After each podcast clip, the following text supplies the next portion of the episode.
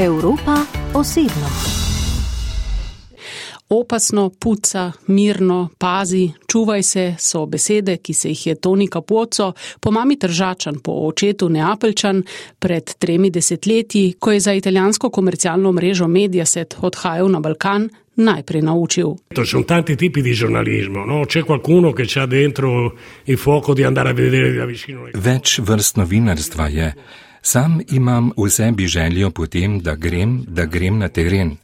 Z Igorjem sva šla v Irak, vzhodni Timor, čeprav vem, da se ljudje doma v Italiji niso spraševali, kaj se tam dogaja. In zato, ker sem želel povedati to, kar se tam res dogaja, nisem dobil več vize za Irak. V tem ni nič herojskega ali misijonskega. Nihče nam ni ukazal, nismo šli zaradi denarja, šli smo zaradi radovednosti, želje po biti tam. Siamo andati perché non per soldi, ma per passione, per curiosità di vedere da vicino, perché volevi esserci. In tja na Balkan se je snemalcem, koprčanom Igorjem Vučičem, vrnil lani ob 30. obletnici vojne. Kaj je videl? Guarda, la situazione non è bella e anzi questa miccia ucraina di questa guerra ha acceso gli animi ancora. Nič lepega. Ta ukrajinska iskra je marsikaj zbudila. Mi smo generacija italijanov, ki svoje vojne ni bila ali je ni doživela. Vi ste jo za kratek čas občutili. Mi pa se ne zavedamo, kakšne rane in posledice pusti. Zato o vojni govorimo lažje. Od vseh vojn, ki sem jih pokrival, nobena ni pustila boljšega sveta, kot je bil pred vojno. In redko se kdo po vojni vpraša, je bilo to vredno? To vprašanje bi si morali postaviti strani, ki vojno začenjajo. Vojna pred 30 leti je postavila temelje tudi za to zadnjo v Ukrajini. Zakaj Donbass ne more biti avtonomen, Kosovo pa ja? Zakaj je rusko bombardiranje Ukrajincev vojni zločin, bombardiranje Beograda pa ne? Spomnim se 17 kolegov Beograjske televizije, ki so bili ubiti. Vojna je kot vrtiljak. Za nas so bili Srbi tisti grdi, oni so oblegali Sarajevo. Ko pa sem bil med njimi, ko smo jih bombardirali mi, če lahko tako rečem, spoznaš, da ni le dobrih in slabih, kot v kakšnem filmu ali stripu. Glede Rusije ni dvoma, da so napadli in da izvajajo vojne zločine. A hkrati vidim, da je bilo deset ruskih vojakov, ki so se predali, ubitih. Je to mogoče? Ali to delajo dobri ljudje? Tvegano je, da ne boš razumel nič več. Cazzo, è possibile? I buoni fanno questo. Rischi di, di, di non capire più niente. No?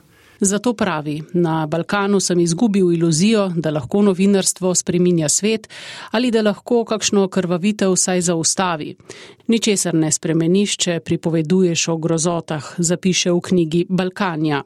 V njej prizna, da je zaradi tega občutka nemoči nekoč naredil nekaj, česar novinar nikoli ne bi smel. Sam je postal novica.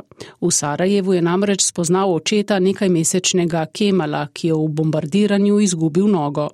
Odpeljal ga je v Italijo, da bi lahko dobil ustrezno zdravniško pomoč, protezo, da bi lahko shodil. Se tu hai la telecamera, una macchina fotografica e vedi un vecchio che scivola in una pozzanghera, c'è due possibilità, o lo fotografi o vai a tirarlo fuori, se non c'è nessun altro.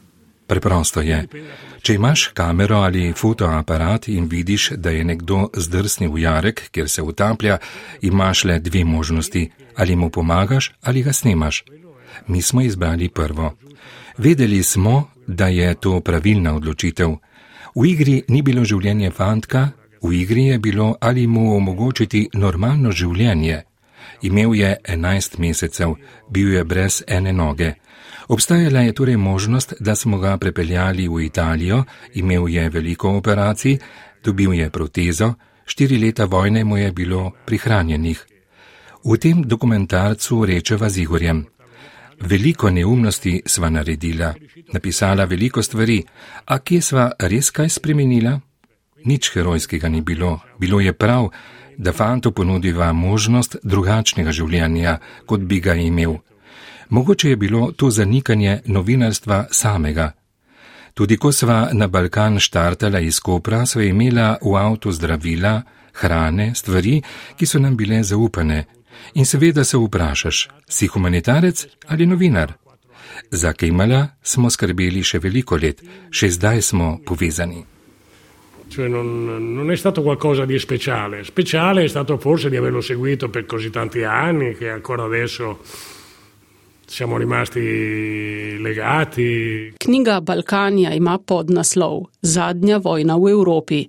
Izdali so jo tik pred izbruhom nove vojne v Ukrajini, zato pri ponatisu podnaslov izgine. Pri 75-letnem novinarju pa ne izgine želja vedeti več. Seveda spremlja razmere v Ukrajini in se sprašuje, zaradi javno izraženih vprašanj po dogodkih v Buči, kjer meni, da mediji niso opravili svojega dela, ga je del javnosti označil za rusofila. Allora, lì ti accorgi il fallimento dell'Europa, doveva andare in Ucraina a spiegare che i confini evaporano. Mislim, da je tu zgrešila Evropa. Ukrajino bi morali s polno vrečo denarja ljudem povedati, da meje pohtijo, da bodo dobili potni list, ki bo omogočil prehajanje meja, kot vidimo med Gorico in Novo Gorico. Morali bi se torej vprašati, je vredno? To bi bilo seveda drago, a stane tudi vojna. Avrete passaporti con scritto comunità europea che vi permetteranno di andare dappertutto. Avrete soldi costoso. Ma costa anche fare la guerra. Kapoca sva z novinarko televizije Koperka Podistrija Klaudijo Raspolič gostili na festivalu novinarskih vsebin v Izoli. Zato tudi pogovor o medijih v Italiji. E tutto è sempre migliorabile, però in realtà io non me lo spiego. Io credo che in Italia ci sia una grande libertà di informazione. Izboljšave so vedno možne, a v resnici mislim, da je v Italiji velika svoboda medijev, drug problem pa je konformizem novinarjev samih. Cenzura je grozna, a še hujša je samocenzura. Se pristaneš na to, da govoriš to, kar želijo drugi, ter postaneš del enotne misli. Povem svoj primer.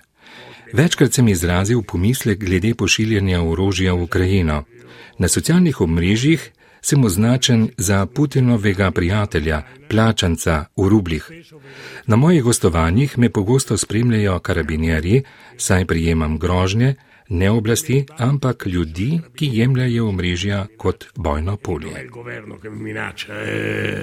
Je un'opinione pubblica abituata a considerare i social come un terreno di, di scontro, di battaglia. No? Kariero je zgradil na komercialni mreži Mediaset Silvija Berlusconija. Lahko delaš za Berlusconija in ne voliš za njega? Io penso di essere sempre stato indipendente e questo è testimoniato da, dagli archivi. Moja dediščina v televizijskih arhivih priča, da sem bil neodvisen. Mogoče zato, ker sem se zanimal za teme, ki drugih niso zanimale. Kot bi vsi govorili o nogometu prve lige, mene bi zanimala četrta. Se vam zdi, da se je Italija zanimala za vojno na Balkanu, za Afganistan? Rečem Italija, mislim na Evropo. Je kdo rekel, da je bil padac Gaddafija brez alternative neumnost? Kaj so govorili o Somaliji? Nič. Vam povem, tam sem bil. Bil sem nekdo, ki je govoril o stvarih, ki niso zanimale nikogar. Najbolj osebna stvar, ki sem jo naredil za Berlusconija, je pismo, posnetek za njegovih 80 let, v katerem sem se mu zahvalil in mu rekel: Nikoli nisem glasoval za vas. Ja, delal sem oddaje, tera denimo, a nisem bil tisti tip novinarja, ki bi gradil kariero urednika, direktorja. To me ni zanimalo.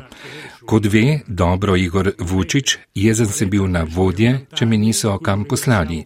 Nikoli nisem želel imeti svoje mize, na njih sliko otrok in diplom, zanimale so me druge stvari. Come sa bene Igor Vučić, premevamo di partire. Eravamo quel tipo di giornalisti che se la prendono col direttore perché non li manda sul posto, no? Cioè non, non ho mai sognato di avere una scrivania, di, di, di guidare altre persone, di avere le fotografije dei figli, i diplomi sul tavolo, no. Novo vlado je, ko smo se z njim pogovarjali, še težko ocenil. Kot antifašist pravi, ni navdušen nad vlado, ki jo sicer pozitivno vodi ženska, a ki se zgovarja, da še ni bila rojena v času fašizma in da se zato ne želi opredeljevati. Zgodovino lahko ocenjujemo tudi, če je nismo živeli, pravi Kapuoco. Ma io definirei come una persona che non vuole fare i conti col passato. Io non penso che tutti debbano per forza rispondere di quello che hanno fatto i padri, i nonni. Melonijevo bi označil kot osebo, ki ne želi obračunati s preteklostjo. Res ni potrebno, da plačujemo za to, kar so naredili očetje, detki. A premijejka vodi stranko, ki ima za simbol plamen, ki se dviga iz Mussolinijevega groba. Kot bi rekli, duče je mrtev, ne živi njegova ideja.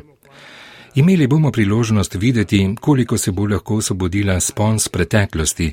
Mislim, da ni tako neumna, da bi vodila politiko proti istospolnim svobodi tiska. Mislim, da se v to ne bo vtikala. Me pa zanima zunanja politika. Tu je Melonijeva jeklena podpornica NATO. A ne pozabimo, da so bile desne vlade v preteklosti za odklon od NATO in za večji obrambni mehanizem Evrope. Un sergente di ferro della Nato, anche se i fascisti a suo tempo in Italia erano per sganciarsi dalla Nato e la difesa europea. Kaj pomeni pri novinarjih v Italiji, če vas ritvita predsednik vlade? Se, se vas hitro prime oznaka, ta je njihov? Vam se je namreč to zgodilo. Đorđa Meloni, ko še ni bila premijejka, sicer je delila neke vaše misli, neke vaše objave. Il problema sarebbe contrario, che, eh, che io condivido un tweet di Giorgia Meloni. Guarda, io faccio molti dibattiti. Bolj bi bilo problematično, če bi jaz retvital Melonijevo. Udeležujem se veliko razprav, a se poskušam izogibati strankarskim dogodkom. Če pa že, sem jaz lahko njihov problem. Če me povabi desni krok, je njim neugodno zaradi stvari, ki jih bom povedal. In če me povabi krok komunistov, je lahko neugodno njim, ne meni. Jaz sem vedno prepričan v to, kar govorim, tudi če je mogoče narobe. Osebno ne volim že več kot 40 let. Politika se mi zdi preveč oddaljena od ljudi, ne strinjam se, kako politiko delajo voditelji, liderji. Dvomim, da bom sam kdaj delil tvite politikov. Penso che eh, sono gli altri che devono sentire dei problemi. Se il giorno che io riprenderò un tweet di, di un leader, eh, cosa, forse ecco, dovrò giustificare. Ma insomma, non credo neanche. Deli pa novice z številnih gostovanj, ki jih ima v Italiji in kjer predstavlja knjigo Balkanja. V Slovenijo pa se vrača, ko bo tu javno predstavljen dokumentarec, ki ga je s kolegi in prijatelji posnel 30 let po začetku vojne na Balkanu.